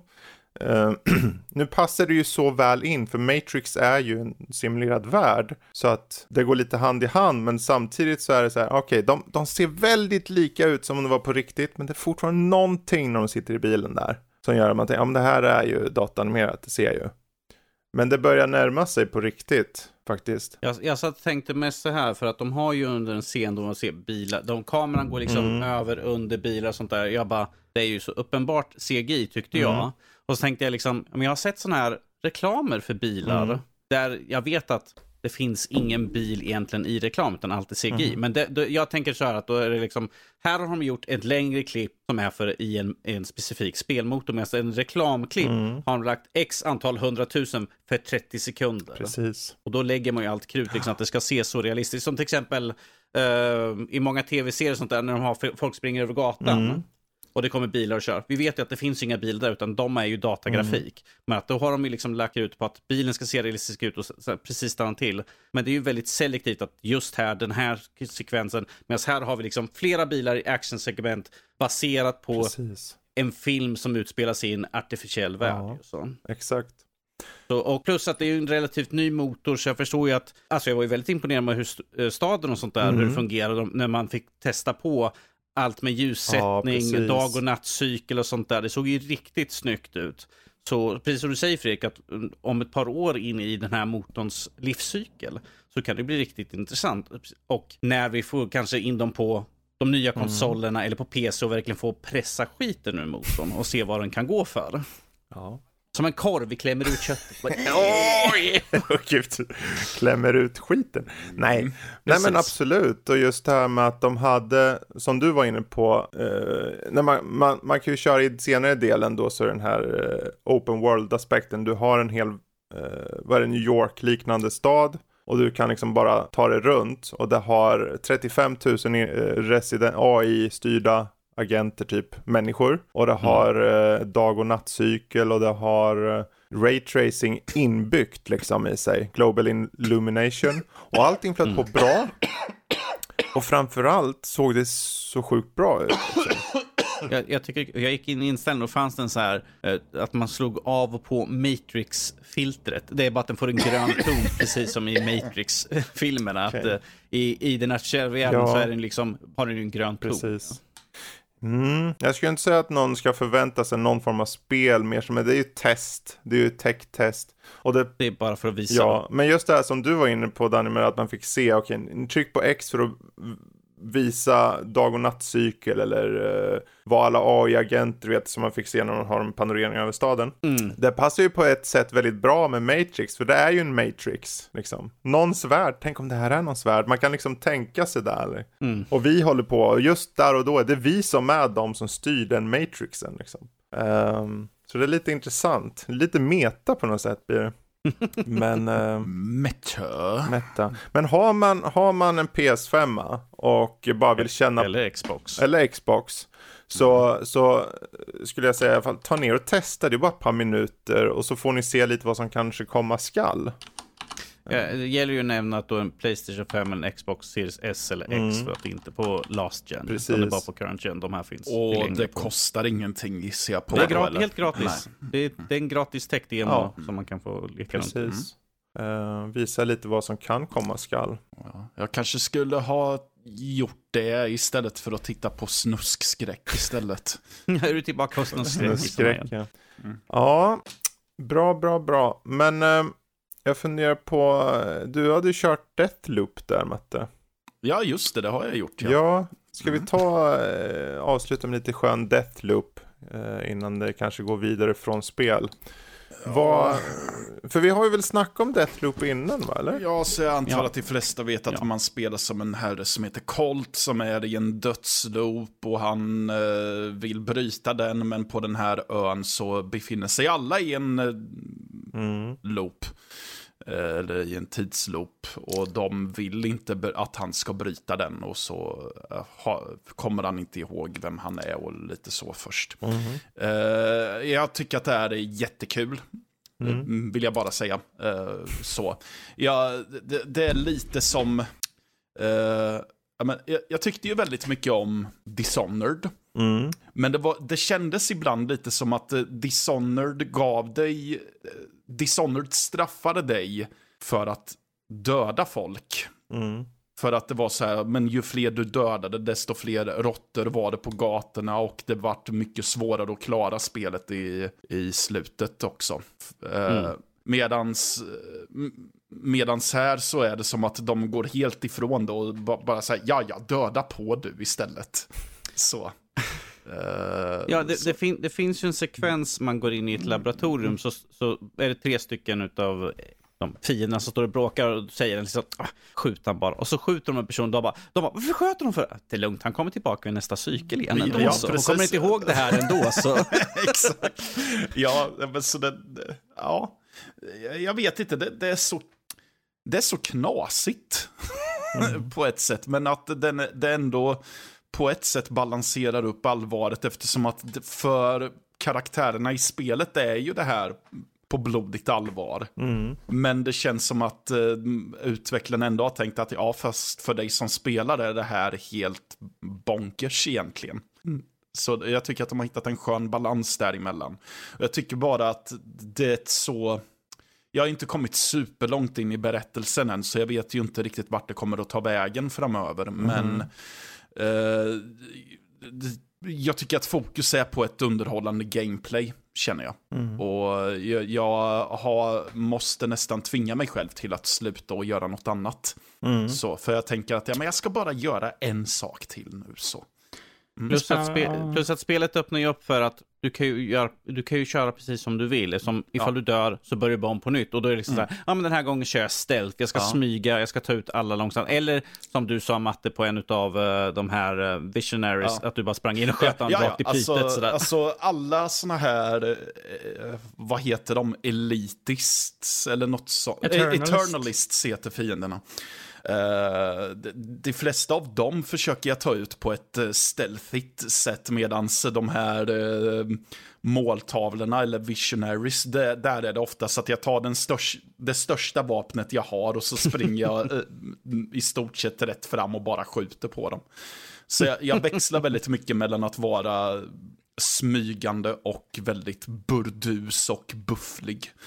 Och jag, jag gillar att de ändå det känns som att Arcane har inte bestämt sig för vilket sätt man ska spela spelet på, utan jag tycker att de har öppnat upp eh, världen så att du får ta dig an det här precis så som du vill. Mm. Mm. Det är det som jag, när jag körde, jag vet inte om jag körde en timme eller två timmar bara i början mm. så, och så fick jag den känslan att det liksom, här har du redskapet, gör ja. lite vad du vill med det. Ja, exakt. Och det är lika ehm. så, du, du, kan ju förkovra dig i de här hackningsgrejerna du kan göra för att eh, typ få de här fiendens eh, turrets att skjuta på fienden istället. Mm. Eller, och så. Men det går fullt lika bra att bara skita i och hacka saker också. Mm. Utan bara, ja men jag kör på mina vapen jag har i händerna istället bara. Mm. Jag, jag, jag älskar att sätta upp fyra, fyra fem turrets liksom i en halvcirkel. Sen springer jag liksom bara, jag bara hallå! Och sen springer jag ut, sen kommer gubbarna en efter en och bara liksom, det blir en hög utanför. De bara, Ja. jag hörde att Nisse skrek alldeles nyss när han sprang utanför. Men jag, bäst jag går och kollar. Ja. Vad hände med Johan? Han sprang ut och skrek också. Jag går också Åh, och kollar. gud. Jag Ja. vill att det ska existera att de heter Nisse och Johan. Och snälla, jag hörde att Johan skrek. Det, det är den svenska lokaliseringen där Fredrik, vi får fixa med mer alltså. svenska lokaliseringar åt folket. Ja. Precis. Mm. Det räcker Ja. inte med Half-Life. Jag har också kört lite Deathloop för ett litet tag sedan. Jag tyckte dock att, jag vet inte om jag är jättemycket för den här spelloopen egentligen som den har egentligen. Det känns lite för ofokuserat på något sätt när man kan typ eh, gå på typ vilken ordning du vill med de här och de säger typ inte något så här gör det här och det här utan du liksom får göra det själv. Mm. Lite mer liksom, och så om du dör, du dör du, du liksom kommer tillbaka igen. Där, Eh, där har du ju lite grann av det. Det gäller ju, även fast det, du kan egentligen bara springa omkring och leka bäst man vill, så ifall man går omkring, läser på lappar och sånt där, så hittar man ju hintar, man får information hela tiden. Så att, det är ju som de säger, att varje gång du, du, bryt, du går in i en ny loop, så tar du med lärdomen från föregående. Och i spelmässigt då blir för att, ja just det, men nu kommer jag ihåg att i på, där nere vid kajen klockan 15.00 så kommer han, eh, Visionary, gå ner dit. Ifall jag sitter med en sniper uppe på taket så kan jag ta ut personen då. Så det gäller liksom Men är det att då, planera ut är det då att man själv som spelare kommer ihåg det? Eller? Som själv som spelar, Ja. du, nej, men du, har, du har all, info, all information Mm, du hittar finns, du kan, ja. du, är som en, det är som en kompendium, liksom, Okej. här. all information per, Ja. per visionary, per del av ön, så hittar, hittar, hittar du saker så förs det in, så du kan gå och kolla, liksom, här sa de att han tycker om att eh, parta hårt och han, ifall spelar den här låten så Men kanske är det han går som upp en på så scen och sjunger och sånt här där. eh, quest-liknande det, då? det, det, nej, nej, alltså det, det är som ett träd som går vid, som vidare med att här är information jag lärt mig nytt, här har jag Ja, lärt mig den här nya okej. saken, här har jag lärt mig. Så man kan lära sig liksom, var kommer de vara under viss tidpunkt eller Okej. visst område. Så att du lär dig hela tiden. Så för varje gång du lär dig någonting nytt kan du ta med dig och liksom utnyttja den kunskapen till nästa spelomgång. Mm. Ja, Precis. för jag fick lite farhågan i typ när jag körde upp det, typ, ja men det känns inte som jag kommer någon vart i storyn. Mm. Eh, Men då är det, det, det handlar om att kolla överallt, eller spelar det någon roll? Måste man kolla överallt? Kan man komma En vidare i alla fall? saker, Eller? en del saker är ju sådana här att när du rör dig till ett område så kommer du kanske så kommer du få lära dig saker Ja, okej. Ändå ju. Man får ju, ifall du går och plockar upp vapen och sånt där, men det ligger en lapp, då kanske man tar och plockar upp den. Eller du måste hämta e- sak X och ta den till den här saken. Så jag kanske får ett filmklipp där de pratar lite grann och du får lärdom genom det. Okej. Men att såklart, du får ju extra mycket hjälp ifall du faktiskt eh, aktivt går och letar. För det finns massvis med saker, man kan lyssna på samtal och sånt där när de pratar. Jag skulle just Så- säga det också, att om du bara lyssnar på när fienderna står och pratar med varandra så kan du ju få hintar om hur du ska bära dig på en taktik också. Känns ju väldigt eh, arcane på ett bra sätt. Mm. Ja. Mysigt. Men uh, Deathloop helt enkelt. Eh, Bra, bra, bra. Vill ni, vill ni läsa, mig, eh, läsa när jag pratar om spelet i oändlighet så finns det en recension på hemsidan där också. Så Ja. Vill ni läsa mig? Vill ni läsa mig? Vill ni läsa mig? Läs mig. Läs mig som en öppen bok. Ja. Jag har ingenting att dölja. Eh, bra, för eh, då hoppar vi till lite film tänkte jag. För jag är bara nyfiken innan vi avslutar på The Last Night in Soho. Det är Edgar Wrights nya. Mm. Och den här ser ut att göra Ja. ganska mycket nytt, i alla fall för honom. Men vad är det för någon typ av film till att börja med? Det är typ en skräckfilm eh, egentligen. Mhm. Eh, en skräck, så här, eh, drama, typ lite grann. Eh, så här, psykologisk, eh, så här, abuse. Eh, mycket, handlar mycket om, tematiken är mycket så här, typ kvinno, eller typ så här, kvinnoabuse och lite grejer. Typ så här, Misshandel. misshandel och lite sånt. Eh, du, du följer en tjej. Vänta. En, ja, nu såg jag inte det, men det, du följer en fashion, eller en modedesigner helt Mm. egentligen. eh, som eh, åker till Soho för att eh, få ett lite nytt liv och liksom på en ny modeskola. Och där träffar de på eh, Hon börjar på, en, ja, på den här modeskolan då så träffar de på en massa väldigt taskiga människor som hon får bo hos i början. Och hon trivs verkligen inte med dem så hon bestämmer sig för att flytta till ett gammalt hus där en eh, liten äldre dam sköter det och hon säger ja, alltså, det, alltså, sä- är du säker på att du verkligen stannar kvar här du, när du börjar? För de flesta som bor här de, de, de sticker mitt i natten härifrån och gör inte så för mig. Eh, Okej. och sen eh, Båda ju gott. första natten, första natten när hon eh, sover där i sin säng så eh, händer det något väldigt skumt. Nämligen hon får, hon drömmer om en tjej eh, som bodde just i det här huset för, eh, på 60-talet. Mhm. Och den här tjejen var då en eh, väldigt festare eh, och en sångerska som, eh, tror jag, ja, som uppträdde och så. Och hon hade stor press på sig från eh, män som var på henne hela tiden och ja, ja, som följde efter henne och grejer. Och, och hon får den här återkommande varje natt. Och det blir liksom ett stort mysterium. Vad, vad är det här för tjej? Och hon, hon ville få reda på det och Mm. det finns lite skum, det finns en skum man som hon tror som vet vem den här tjejen är, verkar det som. Och vad har han med henne att göra? Och liksom att det verkar verkligt. Och sen får vi se, sen börjar det bli ännu mer liksom eh, det blir, blir mer och mer ett verkligheten liksom att hon, hon får se liksom när hon går runt på stan så ser hon de här onda männen liksom hon typ bara kommer och gö- gör en jump scare på henne helt plötsligt och grejer och så går filmen till eh, i princip. Eh, Jag vill inte säga så mycket mer om storyn för det spoilar ju typ hela filmen för de som inte har sett den men jag tycker att det var en riktigt bra film. Eh, Men vi, vi kan ju säga konceptet är liksom att hon går ut för att leta upp sanningen vad som har hänt med de tidigare boende och då specifikt henne då. Att det är mer den här hitta ledtrådar, vad, vad, vad har hänt, vem gjorde Mm. vad.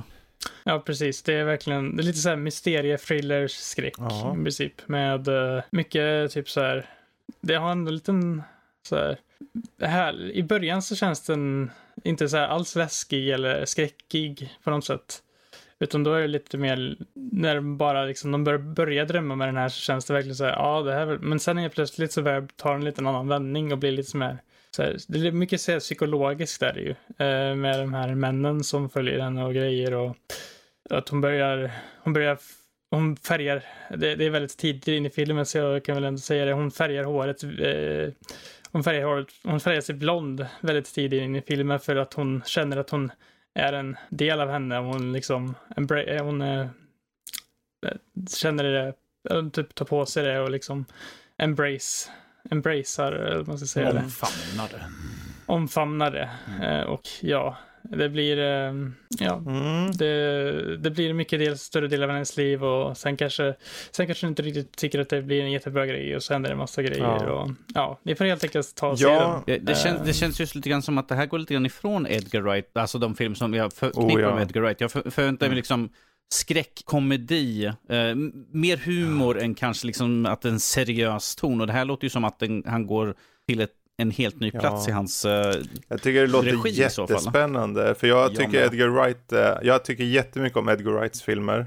Eh, Cornetto-trilogin, Baby Driver är underhållande som tusan. Och just hans tänk på hur han gör scener oftast. Nu har inte jag sett den här, men många gånger har han, han är ju väldigt teknisk, så han kan liksom ha många olika karaktärer i samma scen, fast de är liksom i, i kamera. Jag har sett lite bakom kulisserna hur han byter eh, plats på skådespelerskorna i en dansscen till exempel.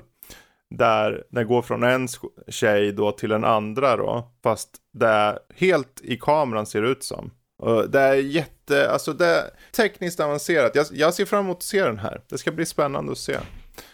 Eh, Last Night in Soho alltså. Ja, bättre än Last Night in Växjö. Last Night in Växjö. Ja, Va? Är det också en svensk lokalisering? ja, det är den svenska lokaliseringen. Mycket svenska lokaliseringar. Finns Kunde det varit, kunde varit, kunde varit Norrköping eller någon sån där hårda, Ja. vet du. Det är snart en Örebro Oj, oj, oj, inte så illa. Ja, gud, Ja. jösses. Nej, nej, nu ska inte... Ja. i Fredriks lägenhet. Typ så. Men eh, bra, vet ni vad? Jag tror vi tar och rundar av här faktiskt. Eh, och det här är ju som sagt sista avsnittet av den ordinarie typen för i år. Eh, nästa avsnitt som är lite mer med folk samlade som bubblar om lite allt möjligt vad gäller spel. Ja, då är det ju Goti faktiskt. Goti-dags. Um, vi kommer ha ett legoavsnitt som kommer nästa vecka. Och sen veckan efter det så kommer det julspel och julfilm. Och sen, sen kommer eh, Goti. Början på nästa år. Ja. Eh, årets, Nördlivsbok. boxningsmatch. Ja, årets spel. Vi får se om någon av de här spelen som jag har nämnt dyker upp. Specifikt Matrix Awakens, den måste, nej.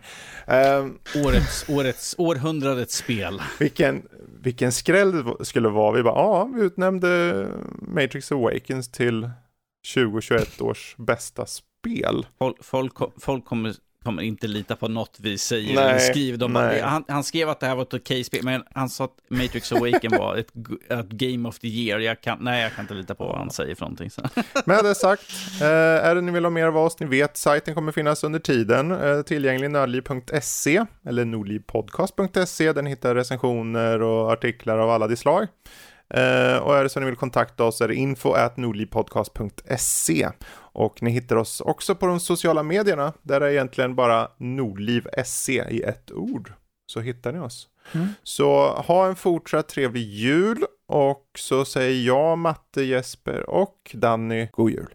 God jul! Puss och kram.